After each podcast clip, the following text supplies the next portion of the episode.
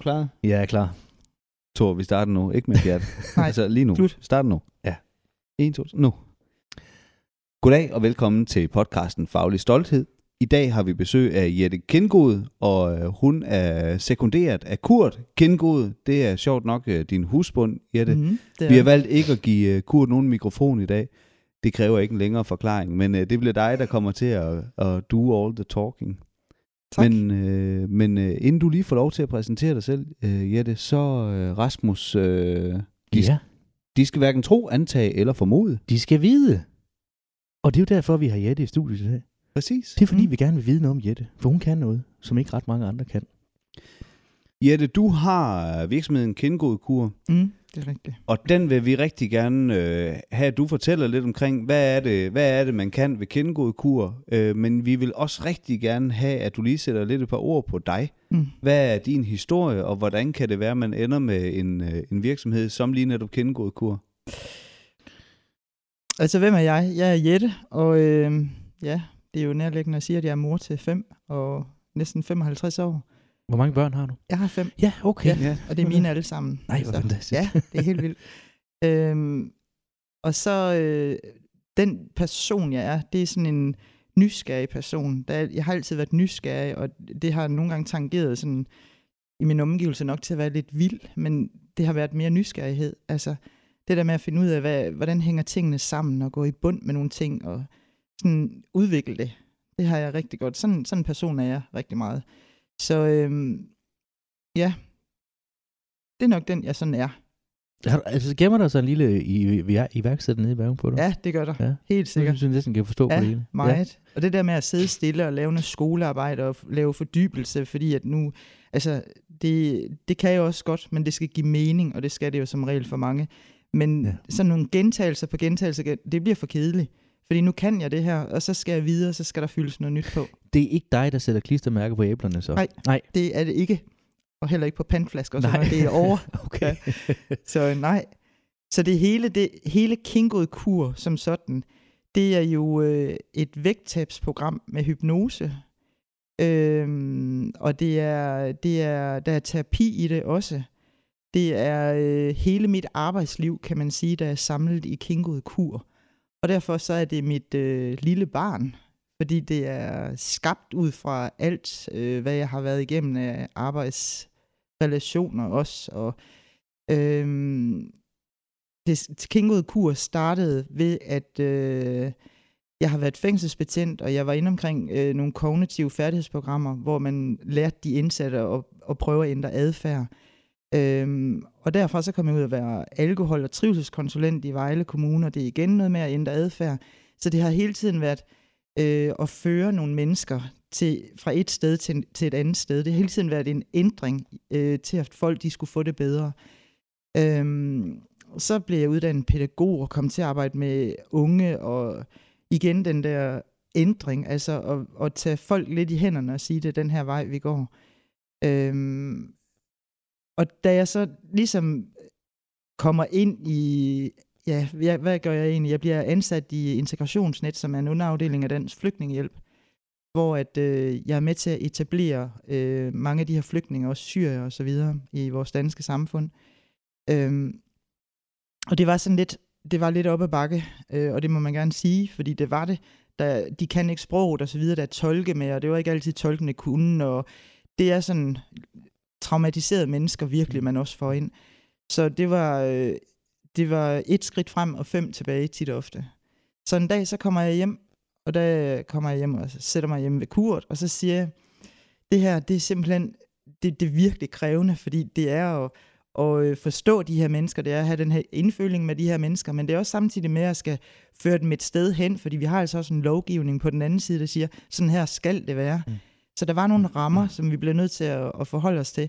Så lige præcis den dag, der var jeg rigtig træt af det hele. Så sidder vi og ser en øh, fjernsynsudsendelse, og der er øh, en, øh, en hypnosør, der hedder Mads Akkerholm Lange øh, fra København, som laver et, øh, et rygestop på Linse Kessler.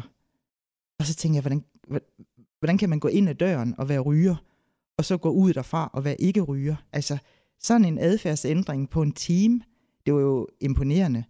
Øhm, og så begyndte jeg at finde nogle optagelser med ham her, Mads Akkerholm, og så var der en mere, Øh, og det var en, øh, en krigsveteran, tror jeg, men det var i hvert fald, han var i hvert fald fyldt med angst. Øh, og det var den samme effekt. Altså, går ind ad døren, øh, nervevrag, øh, grøden i stemmen og det hele, og kommer derud derfra, hvor at han bare har det godt. Altså, tænkte, det der, det skal jeg kan. Der var ikke nogen tvivl. Så jeg ringte til Mads, øh, og han øh, var københavner, og ikke noget dårligt om københavner, men han var sådan lidt, øh, ja ja, det er fint med dig. Og så siger jeg, jamen hvorfor, har du ikke noget i Jylland?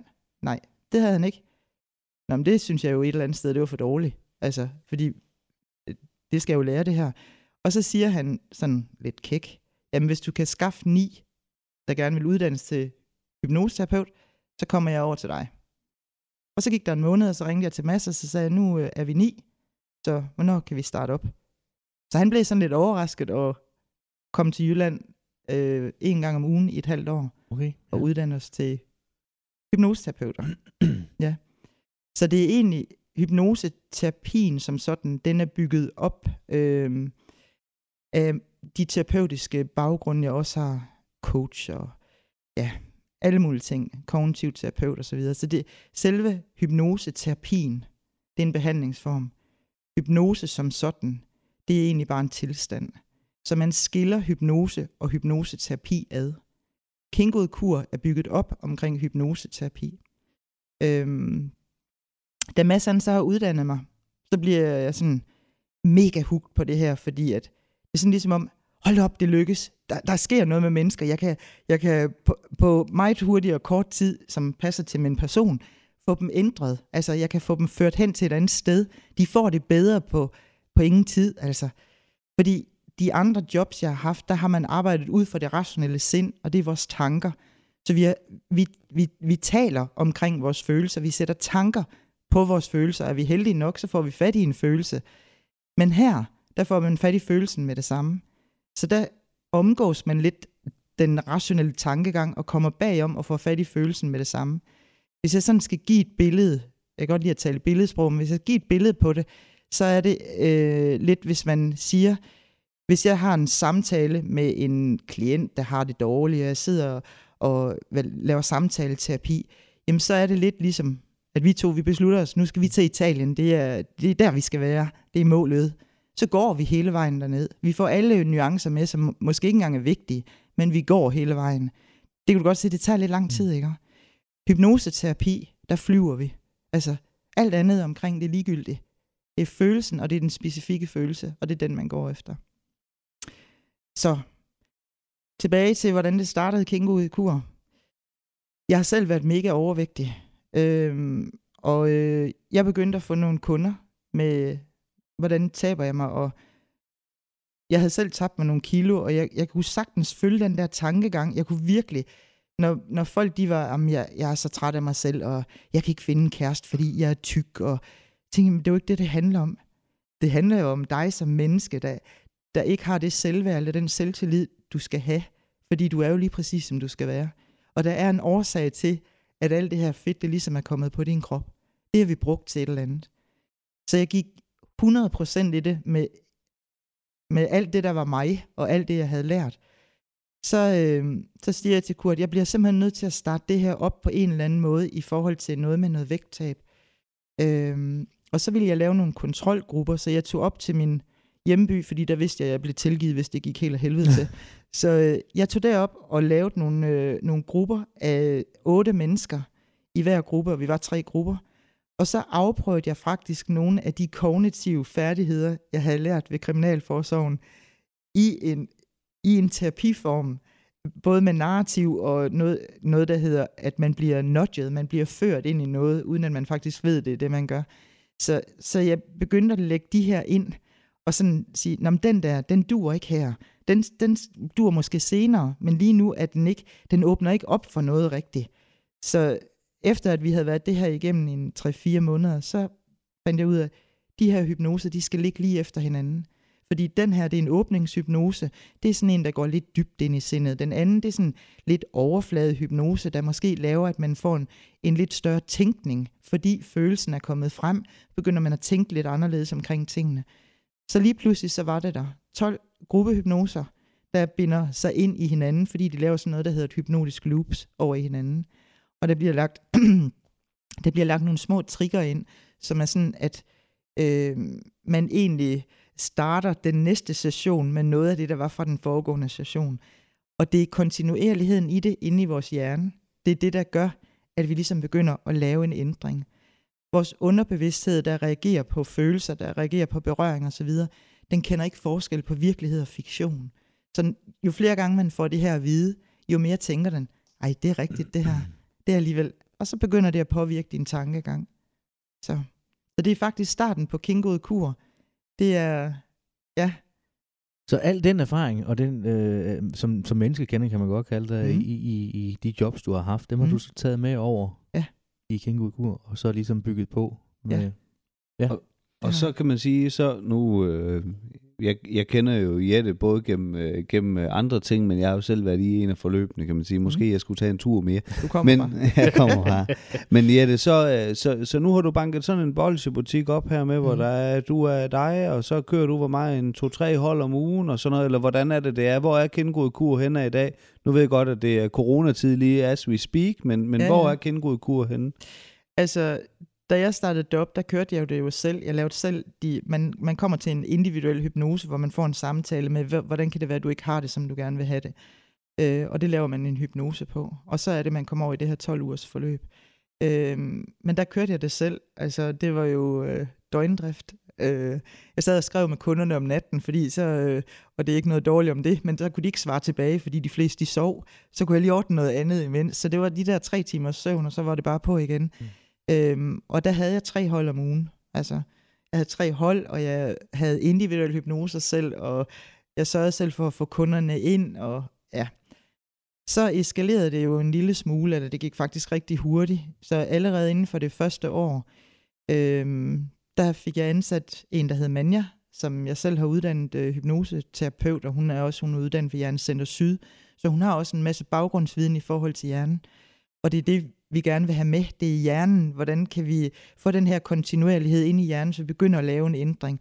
Fordi vi kan sagtens tænke os til en ændring, men hvis, hvis vi kunne tænke os til at gøre en ændring, så havde vi jo gjort det. Så der er noget bag ved de tanker. Der er en følelse bag ved tanken, og det er den følelse, vi skal have fat i. Altså, vi har et motto, der siger, det er ikke svært at ændre en vane, det kan vi bare gøre, vi kan bare lade være.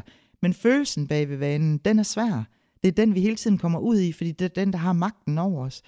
Øhm, så det eskalerede, og Manja kom til, og det var skide godt, fordi hun havde alt det der hjernehaløjværk og kom ind i det, og vi satte en masse ting op og lærte af hinanden, og øhm, så eskalerede det. Og inden for et år, hvad var vi på? Vi var på 28 hold øh, inden for et år. Ja, og i dag, der, der ligger Kingud Kur trods coronatid og så videre, og vi har små hold, og vi har haft politiet ude, og vi er autoriseret, vi har det hele på plads. Øhm, men der ligger vi øh, på øh, 250 øh, kunder om ugen, og vi er fire terapeuter, og vi er tilknyttet en sygeplejerske med, med sundhedsfaglige ting, med kostvejledning og så videre. Så, så det eskalerer, og det, det gør det. Det tager fart. Hvornår startede det op? Sådan lige for at få sat en tidshorisont. Det startede op i, øh, jeg startede så småt op med det i 15. Der begyndte okay. Jeg at lave sådan nogle små flyers og sådan noget, og Mm. sende ud til de nærmeste. Og så i 16, der, der, der måtte jeg simpelthen sige mit job op. Ja. Ja. Så begyndte det bare at køre derudad. Altså, ja. Det var da en gribende øh, fortælling. Inden vi sådan går alt for meget videre, så skal vi jo lige huske at stille vores spørgsmål, som vi plejer at stille alle vores gæster, mm. for det har vi slet ikke nået. og det er fedt. Øh, Jette, hvad Ja. er faglig stolthed for dig? Jamen, jeg har jo tænkt lidt over, hvad er faglig stolthed, fordi det nemmeste, det vil vi sige, at det er, når noget det lykkes. Mm. Øhm, det er der også en rigtig, rigtig stor tilfredshed i, og det er rigtig dejligt at se, at mennesker bliver ført fra et sted til et andet sted. Det er jo lækkert. Men jeg tror, at faglig stol- stolthed, det er, når jeg har noget passion med ind i det, jeg laver. Når jeg kan mærke, at min energi og min passion for det, jeg laver, det jeg brænder for, det bliver bragt videre, så der kommer en, en motivation ved et andet menneske, som kan køre videre på den energi. Altså, det tror jeg, at det er, det at man udvikler noget, man er stolt af det, man laver, altså man kan mærke helt ind i knoglerne, at det her det er simpelthen det rigtige. Så, så det ikke bliver et arbejde, men det bliver en passion, det bliver en drøm, man lever ud i virkeligheden. Altså, så tror jeg simpelthen på, at man kan, man kan køre igennem. Og jeg siger ikke, det er sundt, men jeg tror, at man kan gøre det. Mm. Øhm, fordi at der er, der er den her passion, der bare brænder igennem. Øh, og det tror jeg, det er den faglige stolthed, der ligger i, at jeg identificerer mig med det, jeg laver. Der kommer en, en, en, øh, en varm, kærlig, nærværende, dejlig fornemmelse omkring det, jeg laver. Og det er det, som man ligesom bringer videre. Der, det giver en kæmpe troværdighed i det, og blandt andet hypnoseterapi, det handler rigtig meget om tillid, det handler rigtig meget om troværdighed. Så, så det at bringe den videre og sige, vi er troværdige, og vi vil dig det bedste, og vi har styr på alt, øh, det faglige og så videre. Det, den, den del, det kan man læse sig til. Men den passion og den, øh, hvad hedder det, tilgang med, at man brænder for noget, det kan man ikke, det, det tror jeg, det er noget, man skal have. Ja. Det er ikke noget, man kan lære. Nej. Altså, det bliver man nødt til at have i sig. Vi havde en kunde engang, for faktisk for så lang tid siden, hvor hun kom og siger, at det her det var det bedste, hun nogensinde havde oplevet. Øhm, og det var fordi, at hun faktisk følte, at vi solgte hende noget kærlighed. Mm. Altså, det er da stort. Ikke? At man kan gå ud og sige, vi går lige ind i terapi af det kingod, så får vi købt lidt kærlighed. Altså det kan man gøre mange andre steder, det skal jeg ikke komme nærmere på. Men, men den følelse gik hun derfra med, at hun kunne, øh, hun kunne gå på vandet, fordi hun var blevet fyldt op selv. Ja. Altså, og det er fedt. Ja, det kan jeg godt sætte mig ind i. Mm. Det må også være, være noget, der skaber energi til at og, Helt vildt. og drive det videre, kan Fuldstændig. man sige. Ja. Altså, det er jo gensidigt. Ja. Fordi den der, altså jeg har et motto, der siger, at det du giver ud, det får du også tilbage igen. Det er ikke sikkert, at det kommer lige med det samme, men det skal nok komme. Og så må man ligesom sige, jamen, det gør det. På et eller andet tidspunkt, så gør det. Sådan en, øh, en fredericiansk version af karma. Ja, ja, det er det lidt.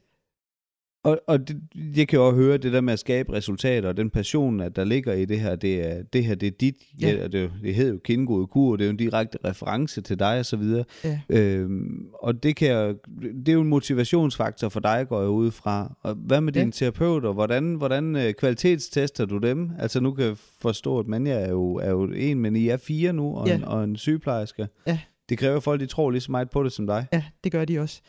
Øh, de er også drevet ind i det, altså via også den passion, jeg har haft. Jeg har været derude sammen med dem, og jeg er i daglig kontakt med dem hele tiden. Mm. Øh, og det lyder måske som om, det er styret totalt bagfra, og det er det også. Altså, jo, det er det ja, også. det er det, det, det er det. Fordi at jeg har et landskab inde i mit hoved, øh, hvor jeg har gået hele den her vej. Jeg ved lige præcis, hvor træerne de står i det her landskab. Og det landskab, det kan jeg ikke bringe over i hverken Manja Christine, eller Jeanette, eller Christina, eller det kan man ikke. Men jeg kan give dem den her fornemmelse af, at det her, det er verdens bedste job. Mm. Altså, og det kan godt ske, at man møder nogen indimellem, som er vildt frustreret og ked af det, og alle mulige ting. Men den frustration, den skal vi kan rumme, den skal vi kan holde, kan holde ud og være i, fordi vi selv brænder så meget for det. Så vi skal, vi skal kan være i, at de her mennesker, de øh, måske indimellem øh, skælder ud eller gør noget andet. Det, det er jo frustration, altså. Mm. Øhm, og, og det kan de, og det kan de bare. Min øh, eneste, hvad hedder det, øh, det eneste krav, jeg havde til, da jeg ligesom fik de andre terapeuter ind, det var, at de skulle blive uddannet ved MAS. Fordi det var den samme, altså det er den samme tankegang. Ja, så... så så er der ikke så langt til, at jeg kan komme over og begynde at præge dem ind i Kængod kur. Så er fundamentet ens, kan man sige. Ja, ja, det ja. er det. Det ligger også et, øh, et vis pres på Mads, at han ikke, øh, han må ikke bare sådan lige gå bort eller nej, stoppe karrieren. det kan han ikke tillade sig. Det kan han ikke. Så nej, ja. han er total mentor. Så ja. Fedt. Mm. Jette, du slår mig jo ikke som sådan en, der passer ned i en kasse. Nej. Nej, når man så laver en virksomhed som Kingo Kur, man har 250 øh, kunder i butikken hver uge, og du er i A4 og, og terapeut og så videre. Mm. Hvordan får man lavet nogle rammer, der kan der kan holde dig inde? Altså, hvad, hvad, holder, hvad, hvad sørger for, at du har fokus det rette sted, og sørger for, at det ikke stikker af alle mulige steder hen? Mm. Øh. Jeg tror, det der med, at jeg indimellem, øh, fordi jeg har selv nogle hypnoser indimellem, men det bliver færre og færre, fordi der er rigtig meget administrativt bagved. Øh, det, at jeg stadigvæk har, jeg har nogle Facebook-grupper, hvor at, øh, at alle, øh, der er på Kingo Kur, de er med i de her grupper. Så jeg bliver ved med at holde kontakten via, så er der nogen, der lige spørger om noget, eller så kan jeg se, jamen der, der, der mangler lige et eller andet. Jeg griber lige fat i vedkommende, jeg skriver lige til hende, hvordan er det lige, du føler, at det her det går. Øh, så der er hele tiden en opfølgning fra min side af, bagved, øh, hvor jeg ligesom har fingeren på pulsen og siger, det her det er mit fokus. Det er, at jeg ligesom sørger for, at rammerne de er her, altså at de ikke stikker af. Og det kan igen virke enormt styrende fra min side af, og det er det også, fordi blandt andet Facebook-grupperne, øh, negativ, alt negativ, vi har masser af negativ, alt det her corona, det får jo folk fuldstændig op af sæderne, altså. Så folk, de går jo mere eller mindre rundt og er lidt angste og negative. Øh, hvis der kommer sådan noget negativt ind på mine Facebook-grupper, så bliver det bare fjernet. Og så skriver jeg til vedkommende, det her, hvad er det et udtryk for? Hvad er det, der er galt lige nu? Altså, hvad er det, du har brug for, for at kan forvente det her? Har du brug for mere sikkerhed fra vores side af, eller har du brug for noget andet? Altså, og tit og ofte så bunder det jo i, at man er frustreret over, at det her det ikke lykkes. Eller hvorfor er det, at jeg ikke kan tabe de her kilo? Altså, fordi nu har jeg gjort det rigtig godt i sidste uge.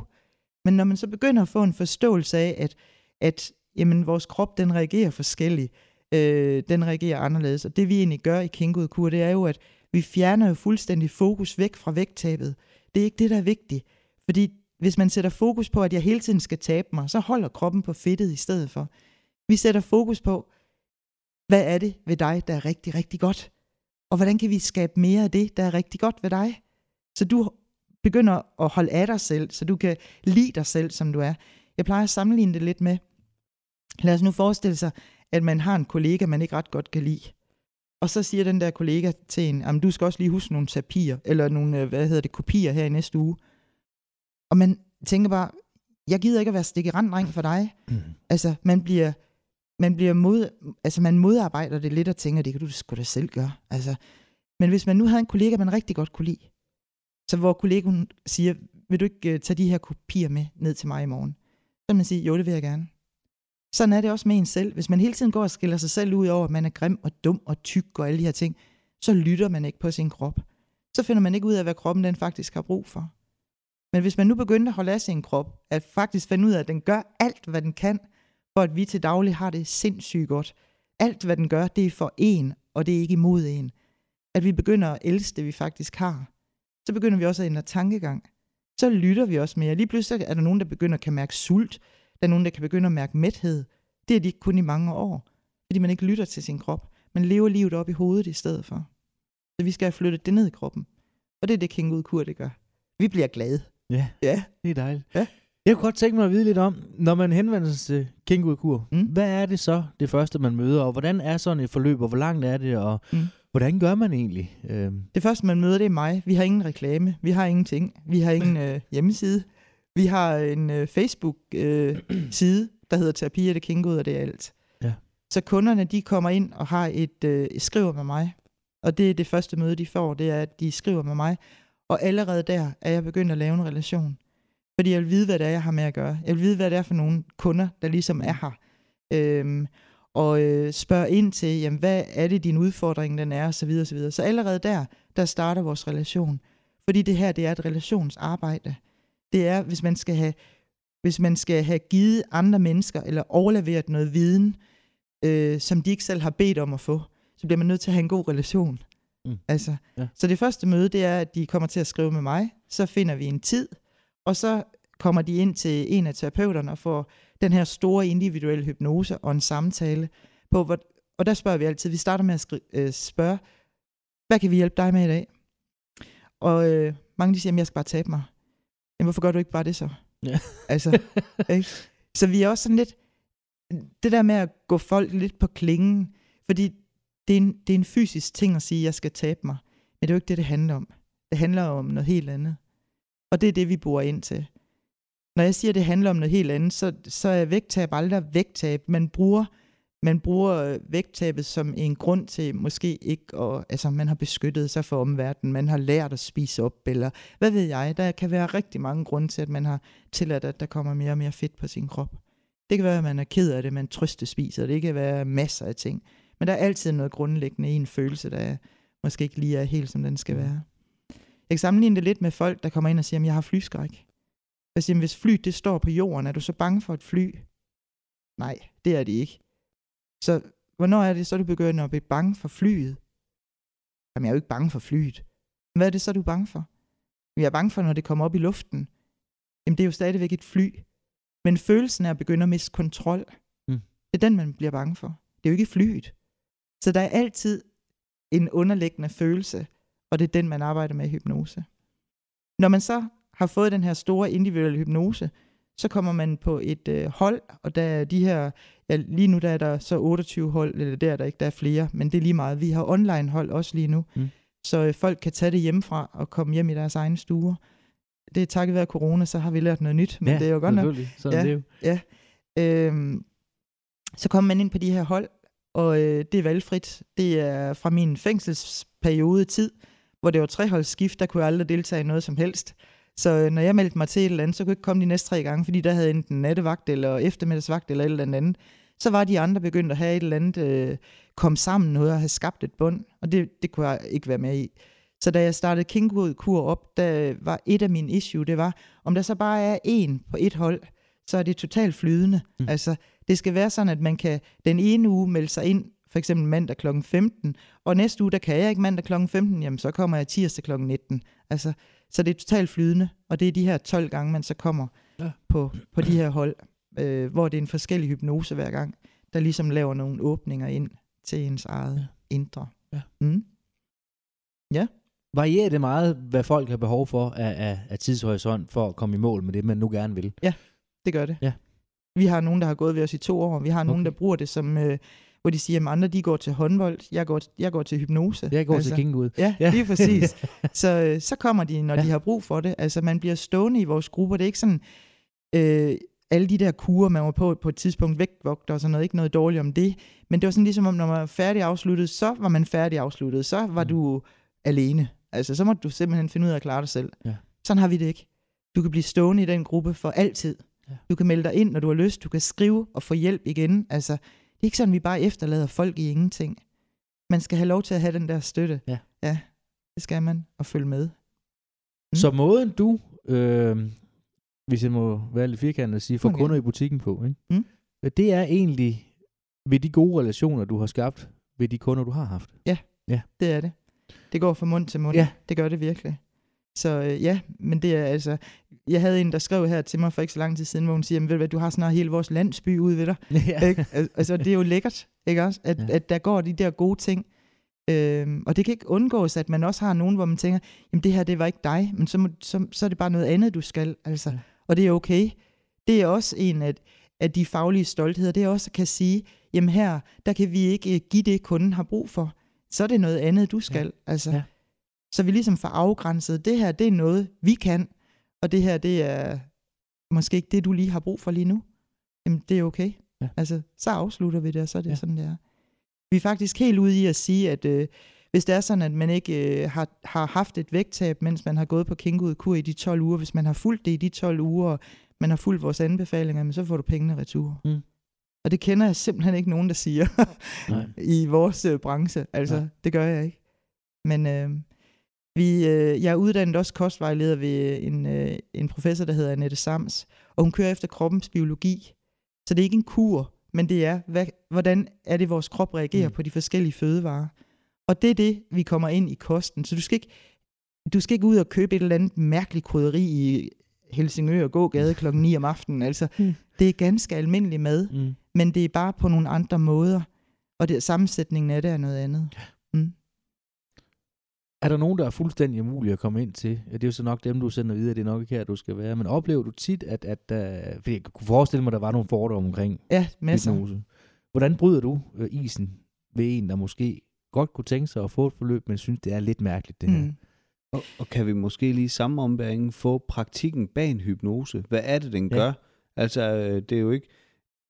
Nu har jeg jo været i hypnose ja, ved Jette, så jeg kan, ved jo i hvert fald kender følelsen omkring det, men jeg har ja. jo også set Jette gøre sådan, så var der en, der bare sov. No. Altså, ja. hvor okay. man siger, jamen, ja, og, og hun havde lige netop sagt, jeg tror ikke rigtigt på det her. Nej. Nogle gange så føler jeg måske bare, at jeg sidder for en god lur og sådan noget. Ja. Og så, øh, så gjorde du det der, som man ser i fjernsynet, man ikke ja. rigtig tror på, og så sov hun fandme.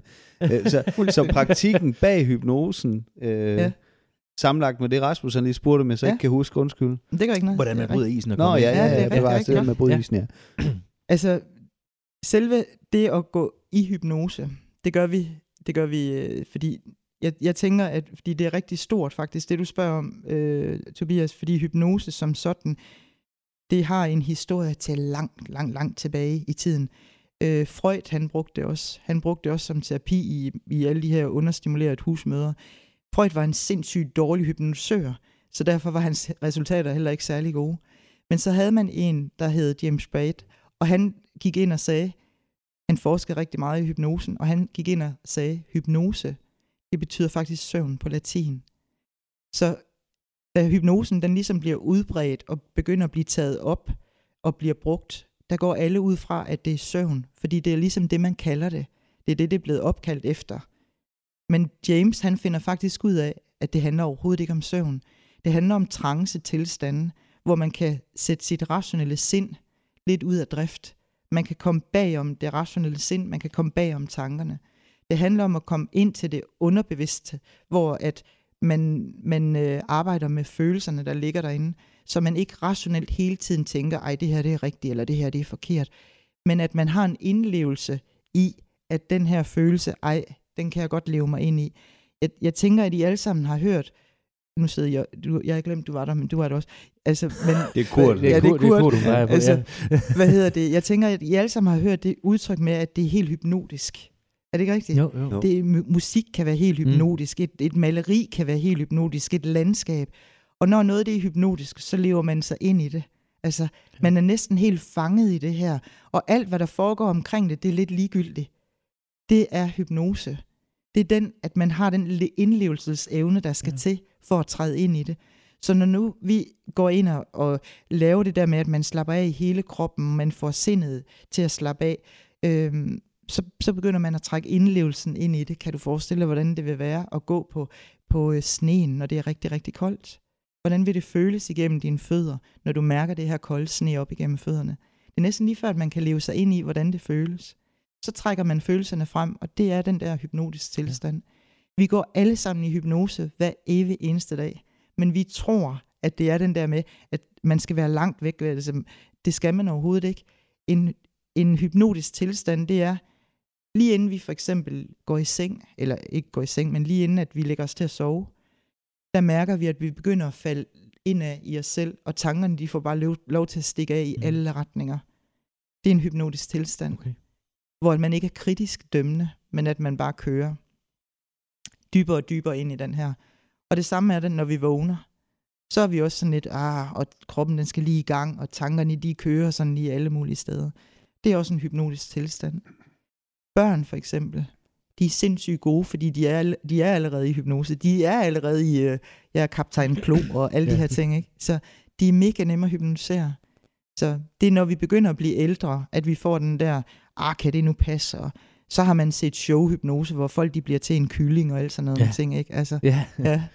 Så, men der, der er virkelig forskel på showhypnose, det er bare hypnose. Mm. Det er en tilstand, man får bragt folk i, ind i, fordi de virkelig kan leve sig ind i, Ja. hvordan det er. Altså, øhm, og vi har, ikke nogen, vi har ikke nogen grund til at få folk til at, at skal ind og kigge i hjernen på en kylling, når vi laver terapi. Nej, altså, nej, nej. Så, så det er to vidt forskellige ting.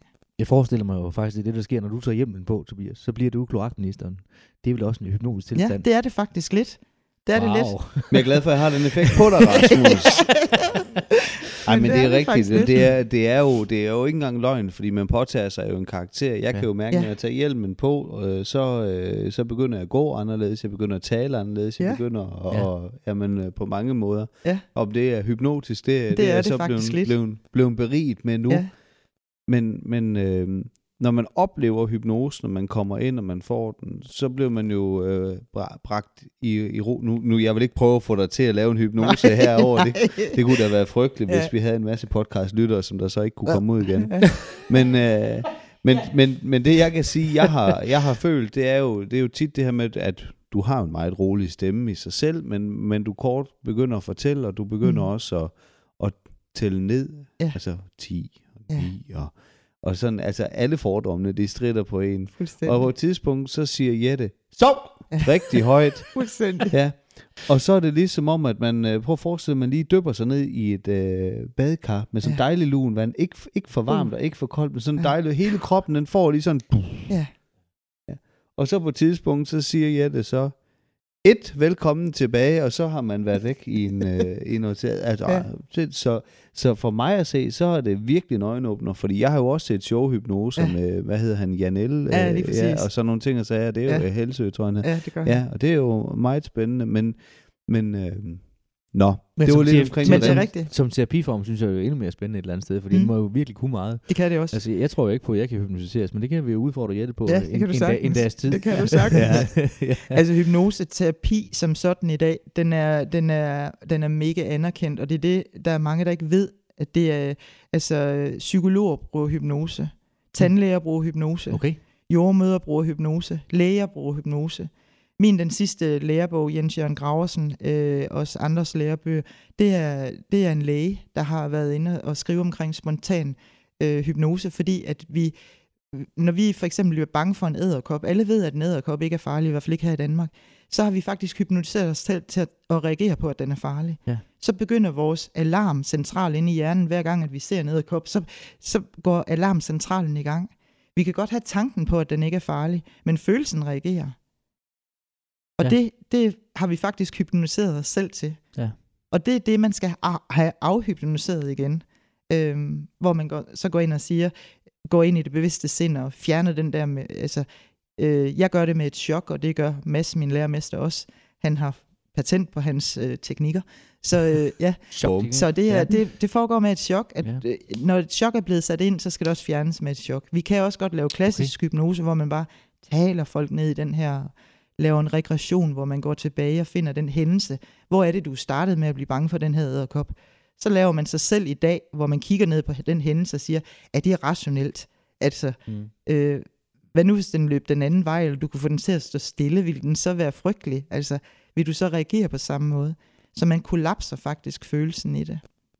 Ja. Jeg har jo noget med krybdyr, jeg kan simpelthen ikke have det. Nej, men det er for... højst sandsynligt en eller anden episode. Ja, ja, ja. det kan jo ikke menes, fordi jeg har altid været bange for det skidt. Det er jo hver dag egentlig ulækkert. Ja. Men, men det er jo nok en hypnose øh, til tilstand, jeg har sat mig selv i på et tidspunkt. Og... Rigtig mange børn. Der var en årrække, hvor at øh, børn de var bange for æderkopper og mariehøns, og det var fordi, der var kørt nogle tegnefilm i øh, fjernsynet omkring de her ulækre øh, nogle dyr der, der kom kravlen op over træstammer og alt muligt. Ja. Altså, så det er helt tilbage til sådan nogle ting, der så trænger ind. Ikke? Ja, ja. Så sidder det der og lærer de vores underbevidsthed.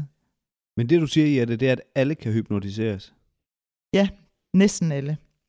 Hvis man beslutter sig for, at det her, det vil jeg ikke, så kan man ikke. Nej. Så er det sådan en mental blokade. Ja, fuldstændig. Det ja, kan man simpelthen ikke. Nej. Altså, man skal ville den her forandring. Man skal, man skal gå ind i det med åben sind.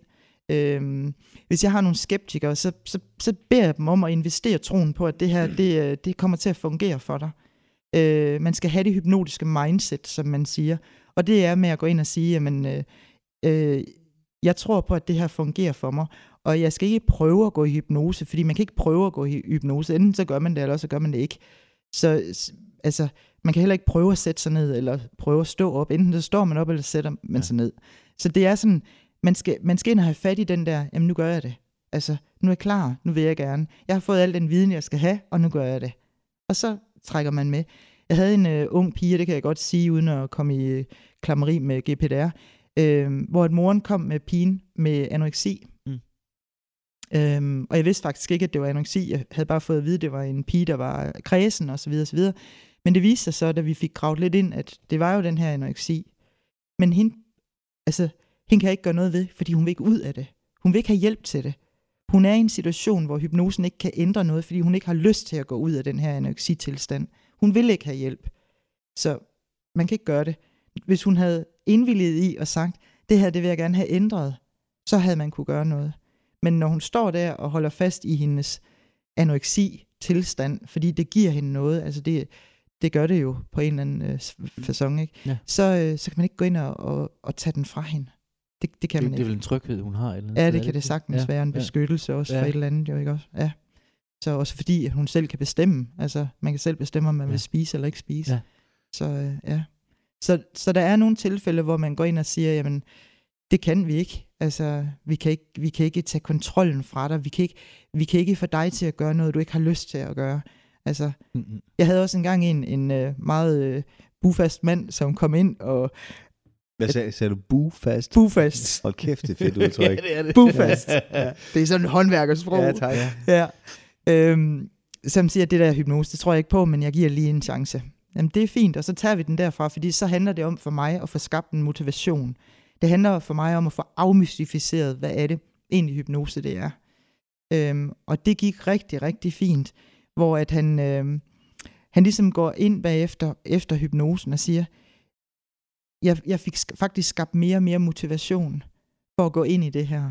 Altså undervejs, hvor han kunne mærke, at jeg tager jo ikke kontrollen fra ham. Altså, han kunne jo bryde ud af det, ligesom han havde lyst til. Øh, og der snakkede jeg med ham om først, at øh, hvis jeg nu kunne tage din identitet, altså hvis jeg nu kunne gøre sådan, at du ikke kan huske, hvem du er gift med, eller dine børn, altså for nogen kan det være rart nok, men ikke lige ham her. altså, men, hvor han siger, men kan du det? Nej, det kan jeg nemlig lige præcis ikke. Jeg kan ikke gøre noget, du ikke har lyst til. Jeg kan ikke få dig til at røve den danske bank, eller få dig til at glemme dine børns navne. Øh, det hører til i showhypnosen, og det er en apnese, man laver i et kort øjeblik, og det vender tilbage igen. Mm. Altså, man bliver ikke i hypnosen. Så, øh, så det kan man ikke. Man kan ikke tage kontrollen fra folk, og man kan ikke få dem noget til noget, de ikke har lyst til. Så det er ikke farligt? Nej, Nej. på ingen måde. Nej. Tværtimod. Ja. ja.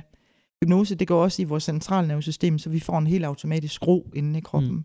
Så vores celler, de reagerer på den her ro, der kommer inde i kroppen. Hva, nu hedder det jo Kingud kur, mm. så vi snakker vel vægttab eller vægtfølelse, hvis man nu har modsat rettet. Ja. Hvad kan man ellers med hypnosen i forhold til måske sygdomme. Ja. Psykisk kan jeg sætte mig ind i, der kan man garantere, det gør rigtig ja. meget. Er der andre ting, sådan rent fysisk, ja. man kan ændre? Det kan man. Altså hypnose er jo mega god til angst, for eksempel. Ja. Der har man lavet mange, mange studier på hypnose og angst. Og man ved, at det er en af, øh, hvad hedder det, øh, en af de ting, som hypnose er, er rigtig god til. Mm. Det er angst. Og så er det jo altså alt, hvad der hedder vaneændring. Alt, hvad der hedder ændring af en, en tilstand, man har måske bragt sig selv i, eller er i. Altså, øh, hvor man kan få en ro. Sorg for eksempel er også en af de ting. Neglebidning, øh, allergi, altså alting er skabt af en grund, og det sidder inde i vores system. Så vi kan ikke tænke os til at komme ud af en allergi, men vi kan gå ind i vores centralnervesystem, og vi kan gå ind i følelser. Vi kan gå ind i alle de her fornemmelser, der er skabt omkring allergi. Hvor kommer det her fra? Fordi allergi er jo en beskyttelsesform, øh, der passer på en, mm. fordi at kroppen har fået en overbevisning om, at det her det er farligt, eller det har hjernen fået at det her det er farligt, og så reagerer den. Altså, jeg havde en med, med græsallergi, hvor det viste sig, at det var fordi, at da hun, havde været, eller da hun var lille, var der en bil, der var sust forbi hende, mens hun står på en græsrabat, og det er nyslået græs. Det er jo bilen, hun bliver bange for. Men reaktionen og alt det, det der dufter, dufter, der ja, kommer op, ja. det er græsset. Ja. Så siger kroppen, det her det er sindssygt farligt. Ja. Så hver gang hun kom ud i nyslået græs, så nøs hun og havde allergi. Ja. Men det var jo bilen. Ja. Hvordan finder man frem til, at det er jo bilen? Det gør man ved at lægge rode i det. Ja. Og det er den terapeutiske del. Ja. Det, Fordi der... det er jo ikke bare sådan lige til, det, det var personen vel ikke klar over jo, Nej, at det er det, der var galt. Jo, slet ikke. Nej. Slet, slet ikke. Så det er altid, altså alle, der laver hypnoterapi, de ved godt, at når man kommer og siger, jamen, jeg er flyskræk, eller mm. jeg er angstfaderkopper, eller et eller andet, så handler det ikke om det fysiske. Det handler om noget nede bagved. Ja. Gælder det også rygestof, for eksempel? Ja, ja. det gør det. Ja. Fordi man bruger, man bruger cigaretten til et eller andet. Ja. Altså, ja. Så er nogen, der siger, at jeg bruger det til pause. Jamen, lad os så sige, at, at det øh, pis regner udenfor, og du skal ud og ryge en cigaret. Du skal holde pause derude. Hvor lang tid?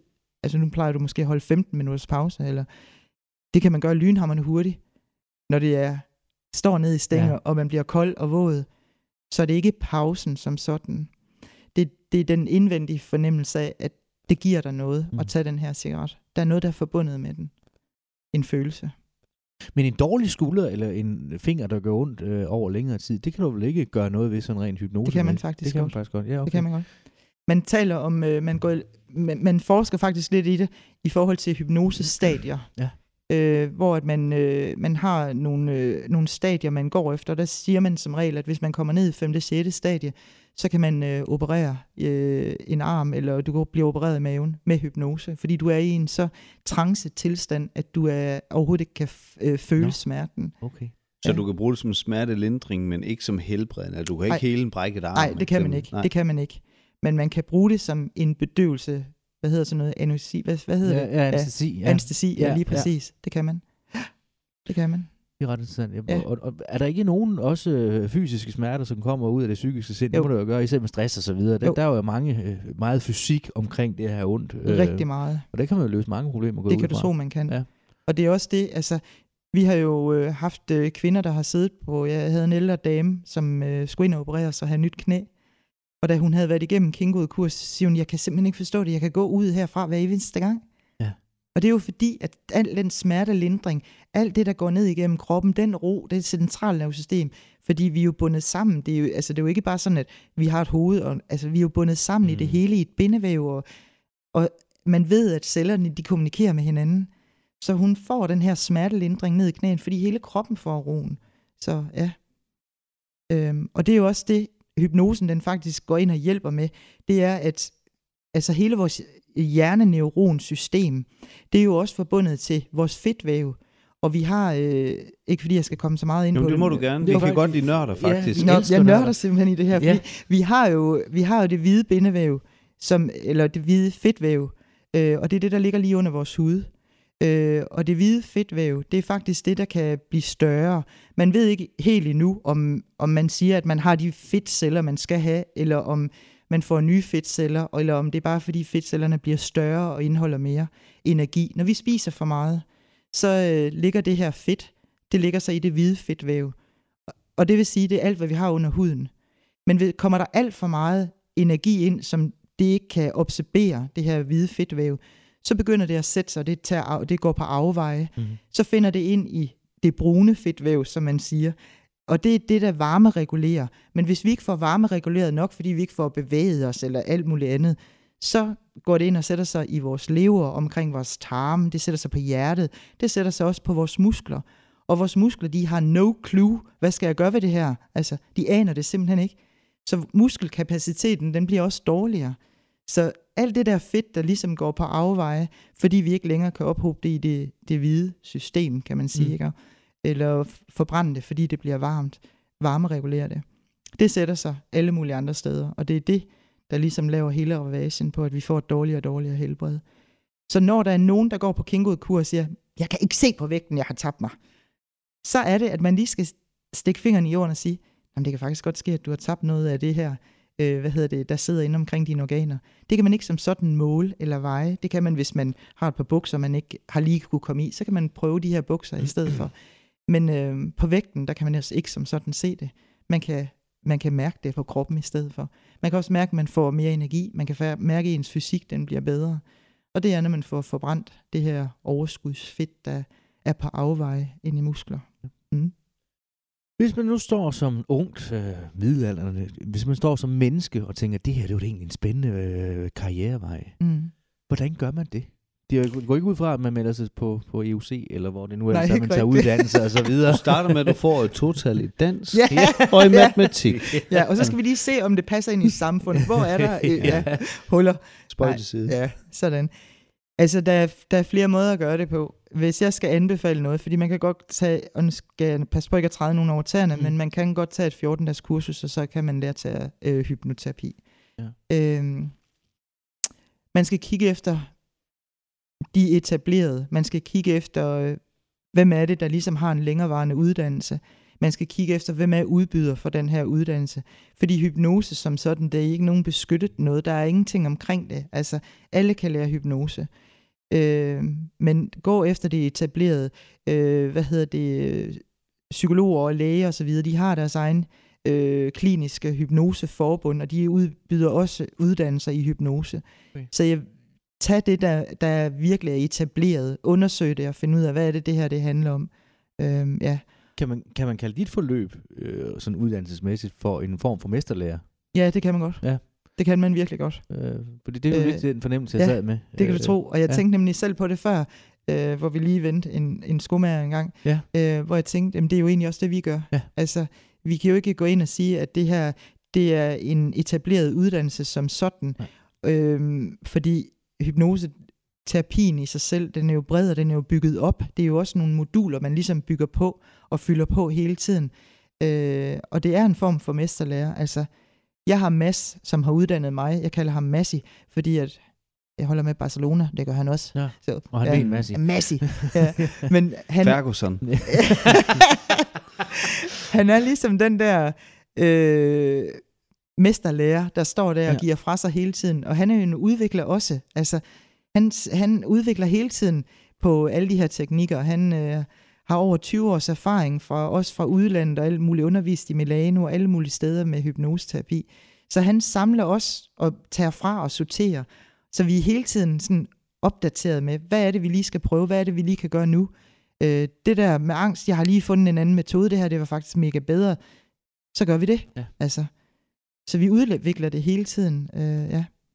Jeg kan også høre, når du så taler du om fedtvæv og celler og ting, og så du, du har jo mere, mere viden om kroppen end, end sådan de fleste.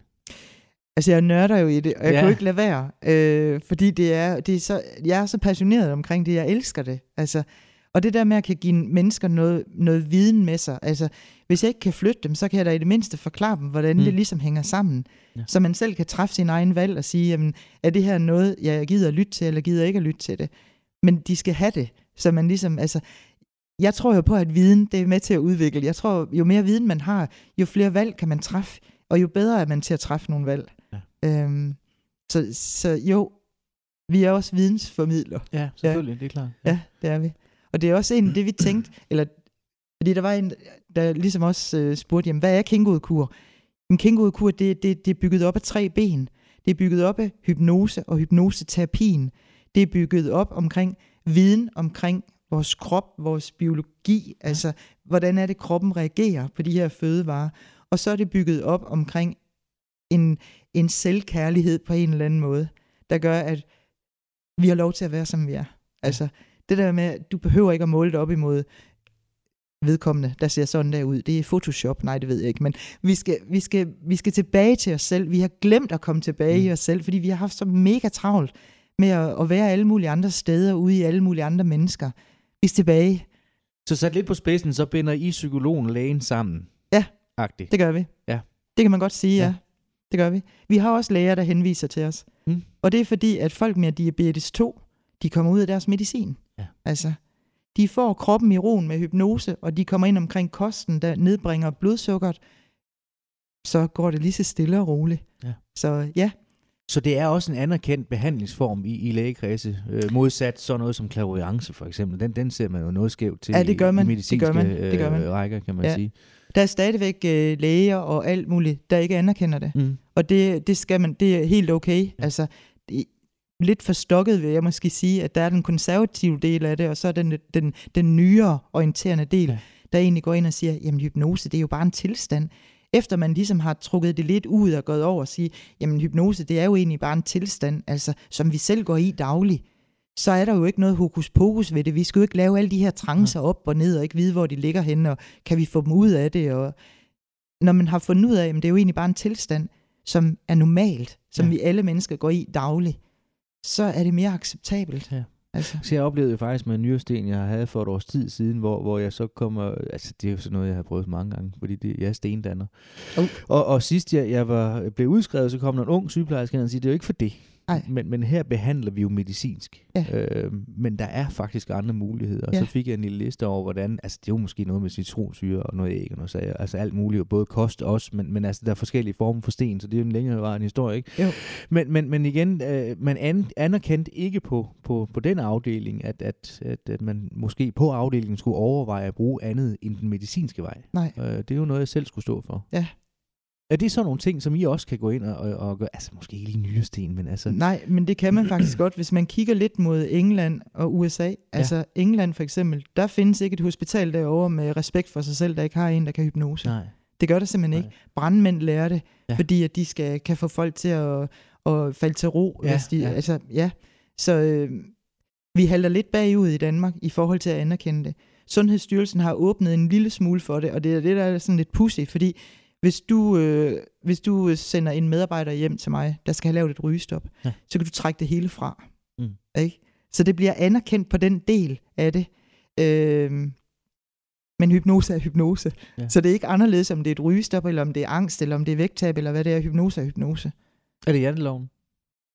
Blandt beslutningstagerne. Jeg altså, det, tror- det, har vi jo en følelse af i landbruget, Ja. for eksempel. øh, Det kan, imellem. det, det kan være det der etablerede system, der ligesom mm. siger, jamen vi bliver nødt til at, at have folk nede i de her kasser, for at kan behandle folk. Altså, vi ser ikke på kasser, vi ser ikke på, hvis du har ADHD, jamen den diagnose, den har du vel, fordi at du skal have en behandlingsform i det, medicin, i det medicinske, der ja. skal passe lige præcis til det. Ja. Det er ikke noget, du roder ud i alle mulige andre. Den diagnose er sat på dig, for at behandleren kan finde ud af, hvordan du skal behandles. Ja. Ved os der er det ligegyldigt. Fordi det er følelsen, vi går efter. Ja. Så om du kommer til os og siger, at jeg har ADHD, eller jeg har bipolar lidelser, eller et eller andet skizofreni, skal man sådan lige være lidt påpasselig med, og alt sådan noget. Men ellers, så, så er det ikke det, vi kigger på. Nej. Vi kigger på, hvad er det for nogle følelser, du har i det. Og hvad aldersgruppe er det? Må børn, øh, eller skal man have en vis alder og en vis sindstilstand, før man kan øh, acceptere, at du må godt gå ind og rode i mig, hvis man kan sige ja, det på den måde? børn er mega gode til det. Altså vi, øh, jeg har øh, Janette, der skal på kursus nu ved øh, en læge, der hedder Annette Knakkersgaard, øh, og det er babyhypnose. Okay, ja. Og det er helt ned til ja. Ja, nærmest nul, altså. Ja, okay. Øh, før du bliver født. Mm. Ja. Nå ja, mm. alligevel. Mm. Ja. ja. Så det er jordmøder bruger det også ja. i forhold til, ja. Og det er også både smertedækning, men det er også i forhold til, til babybørn, altså. Ja. Så ja, ja. Okay. Øhm, børnehypnose, men altså børn er jo konstant, altså hvis de er fra 0 til 3, der er i 90 procent del af tiden, der er de, er de i hypnose. Mm. Fordi de skal speed lære, altså ja. de skal have det her ind på 0 time, så de er totalt åben. Ja. Altså de har ikke lært den der kritiske tilstand. Det kommer senere. Så øh, de er super hypnotiserbare. Ja. ja, der skal ikke så meget til. Jamen, jeg bliver drejet af det her, Tobias. Jamen, jeg, jeg kan godt mærke det. Jeg synes, det, det er helt fantastisk, ja. fordi jeg havde egentlig sådan, øh, sådan lige skrevet lidt ting, og så meget af det, det er jeg egentlig bare blevet svaret på, uden at blive spurgt til det, så det er dejligt. Ja. Øh, men, men hvis jeg skal stille et, et lidt provokerende spørgsmål, det. og det er fordi, at jeg ved, at, at du svarer øh, fuldstændig knivskarp på det. Men hvis man så tager sådan en, en tur gennem en kingodekur, så bliver man hypnotiseret lidt og sådan noget, og så har man bare lyst til at spise råkostsalat, og man må overhovedet ikke synde i weekenden og sådan nogle ting og sager. Eller hvordan hænger det sammen? Fordi det er jo de her spisevaner blandt ja. andet, der er med til. Nu ved jeg godt, at man bliver tyk på forskellige måder, men, men men, er øh, men er det sådan, det hænger sammen? Så får man lyst til at spise salat og få lange ører og spids fortænder. det hedder til showhypnosen. Ja, altså, ja, det kan man godt. Hvis man kommer ind som en kylling, så kan man godt komme ja. ud som en mand. Nej, nej, pjat. Hvad hedder det? Nej, sådan er det ikke. Øh, det vi prøver på at, at sætte ind, det er, at det er et valg. Der er ikke noget, der er forbudt. Fordi der, vi ved, og det ved alle, det viser al forskning, også i dag fedmeforskning, og hvad har vi her, Center for Fedme. En kur virker ikke. Fordi vi sætter fokus på, at vi ikke må, og når vi sætter fokus på, at vi ikke må, så går vores hjerne ind og siger, hold fokus, det er det der, vi skal have, fordi den vil jo gerne hjælpe os. Så mens at du lige henter bue og pil, så holder jeg fokus på kaninen. Altså, så bliver vi ved med at have fokus på, at vi skal have det her mad, fordi vi må ikke få det, men fokus er hele tiden derovre. Vi skal have flyttet fokus væk fra det mad. Det skal blive en naturlig del. Altså maden, det er en energikilde til vores krop. Alt muligt andet af nydelsesmidler, det er et tilvalg eller et fravalg. Men det er os, der skal vælge det, når vi virkelig, virkelig har brug for det. Altså, så det er ikke noget med, at vi skal gå ind og lave en masse forbud og sige, det her, det må jeg ikke, og det må jeg heller ikke. Vi skal have bevidstheden om, at mad, det er energikilden til vores krop, og det er lige præcis der, vi også sætter ind med, med de her energikilder og siger, hvad er gode energikilder, og hvad er mindre gode energikilder? Altså, øh, så hvordan er vi, vi får det her reguleret, så du ikke er ude i de her forbud hele tiden, men ved, hvad det er, du indtager. Og så resten, det er nydelsesmidler, og det er et tilvalg, og det er dig, der skal vælge det til eller fra. Så, ja. så man kommer ikke ud i at få lange ører og kaninpels og alle de her ting. det gør man ikke. Det er jo altid noget. Ja, ja, det gør man ikke. Ej, hvor er det her bare ærgerligt, Tobias, fordi når man er i godt selskab, og det skal jeg godt nok lov for, at vi er igen i dag, øh, Nej. og så går tiden lidt hurtigt, så, så den første time er jo snart gået, kan man sige. Øh, så vi skal jo til at så småt at tænke på at runde af, mm. men øh, ja, det du skal have lov til at få en åben mikrofon. Er der nogen, du godt kunne tænke dig at tale til igennem mikrofonen? Politikere, kunder, mennesker? Mig Tobias. Kurt. Ja. Kurt. Kurt. Ej, Kurt, jeg har så meget, jeg vil sige. Altså, nej, prøv nej. Så en time. nej, jeg tænker, jeg tænker, at man skal, øhm, der, jeg tænker, man skal prøve at kigge på, hvad er det for nogle resultater, man egentlig får. Altså, øh, jeg ved, fedmecentre og så videre, øh, det lyder rigtig grimt, når man siger det, men hvad skal man ellers kalde det? Øh, man forsker rigtig meget i fedme. Det er man mhm. begyndt på, ja. fordi at øh, det er altså det, overvægt koster rigtig mange penge i vores ja. samfund. Det er livsstilssygdomme, det er hjertekarproblemer, det er blodpropper, det er diabetes 2, det er diabetes 1, og det er, det er så dyrt. Øhm, der kunne mit ønske godt være, at man kunne lære lidt af hinanden. Hvorfor er det, at det hele tiden bare skal være en medicinsk vej? Altså, ja. hvor, hvordan kan det være, at man ikke kan kombinere tingene og sige, jamen det her øh, hypnoseterapi, hvad er det, det kan? Hvis vi allerede bruger det, nogle af lægerne bruger det, lærebøgerne er skrevet af læger, og psykologer bruger det, hvorfor så ikke prøve at kigge på, hvad er det, der virker?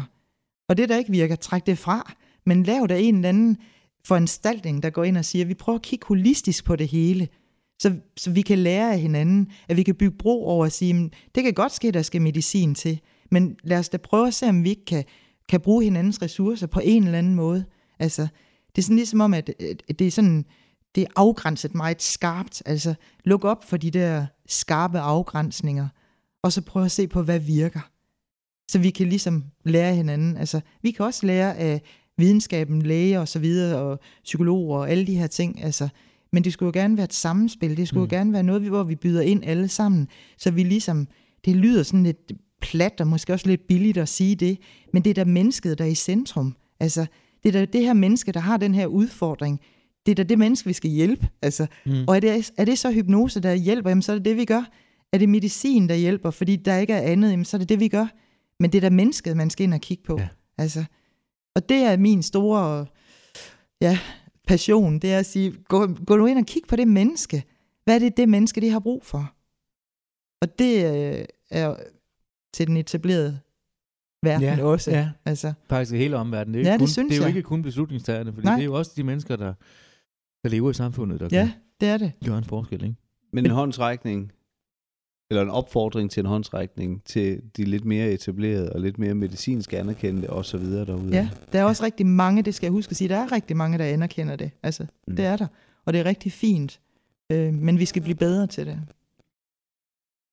Jette, mm? Kingo i kur. Hvor er den om 10 år? Hvor den er om 10 ja. år?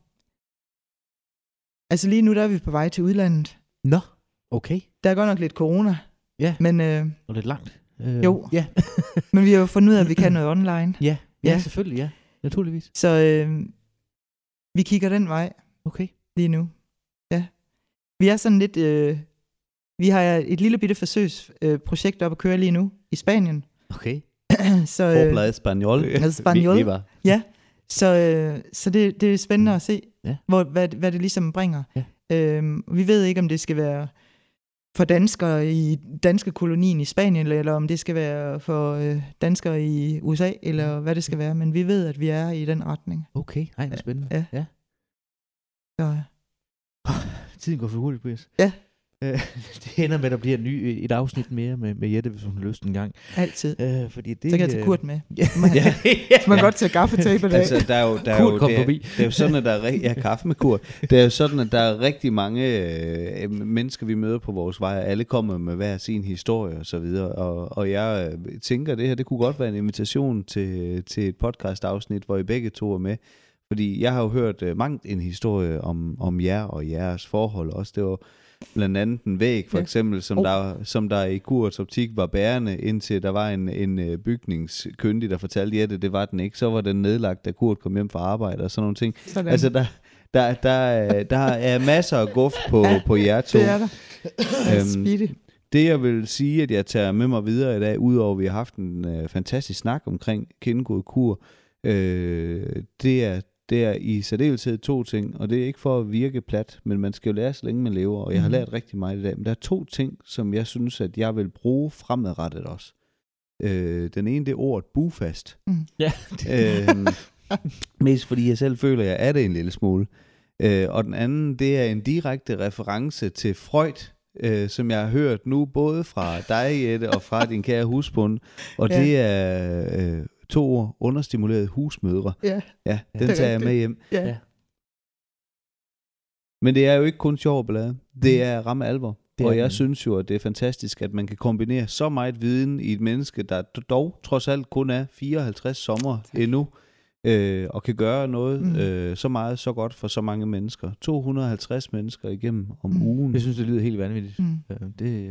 det, er også, altså, det er jo helt, det er over alt forventning, det ja. er det virkelig. Og jeg er dybt taknemmelig, altså virkelig taknemmelig. Fordi jeg føler lige præcis, altså, når du snakker håndværk, jeg har også selv været håndværk, jeg har været maler og murer, jeg ved ikke hvad, men altså, jeg tænker, at alt, alt, også den der lidt stålfasthed, og den her på, at det skal lykkes, altså, det, det, det skal det bare. Altså, vi skal, vi skal have bragt de her mennesker et eller andet med sig. Ja. Så øh, ja, en vilje. Fængselsbetjent rollen også med, at man ikke er bange for at gå ind i de her ting. Altså, det kan godt ske, at de giver lidt øretæver en gang imellem, så tager man det med. Altså, ja. Ja. det er det hele værd. Når man øh, ser nogle mennesker, der bare står der så godt tilfreds. Ja. Vi, vi har en og det må jeg gerne sige, fordi at han har selv lagt det hele op på vores, øh, eller på min terapi af det Kingud. Altså, han føler, at vi har reddet hans liv. Han var fyldt med blodpropper og har tabt sig nu de her de 35 kilo og ja. har fået livet tilbage og kan bevæge sig. Og, jamen altså, han er også dybt, dybt taknemmelig. Altså, og bare alene det, altså, det er det hele værd. Ja, da. Ikke? Ja. Så, økonomi og lange det arbejdsdage, det kan være ligegyldigt. Fuldstændig. Ja, lige nok, ja. Det kan det. Mm. Vi har en anden fælles veninde, der hedder Lotte, hun det plejer altid at sige, at det handler om at have det godt. Ja, ja. det gør det. Det har Lotte ret i. Ja. ja. Det gør det. Vi skal til at slutte af, Rasmus. Det skal vi desværre. Det øh, folk har lyttet til her, det er podcasten Faglig Stolthed i dag med Jette Kindgod fra Kindgod Kur. Rasmus, øh, hvor kan man øh, se, finde og lytte denne podcast henne? Man kan finde den på iTunes, man kan finde den på Spotify, man kan finde den på Podimo, man kan gå ind på vores hjemmeside, der linker vi til den. Så kan man gå ind og se øh, billederne og øh, dialogen på YouTube. Og alle steder, der skal man bare søge på enten Kloakministeriet, så kommer den frem. Men hvis man vil være mere specifik i sin søgning, så kan man jo bare søge på faglig stolthed. Så dukker den nemlig op. Det er det, man kan. Så folk har lyttet til podcasten Faglig Stolthed. Tak fordi I lyttede med. Rasmus. Tobias. De skal hverken tro, antage eller formode. De skal vide. Tusind tak, fordi du kom, Jette. Og tak fordi jeg måtte. Det var en uh, fornøjelse. Mm. Tak for i dag. Moin. Moin.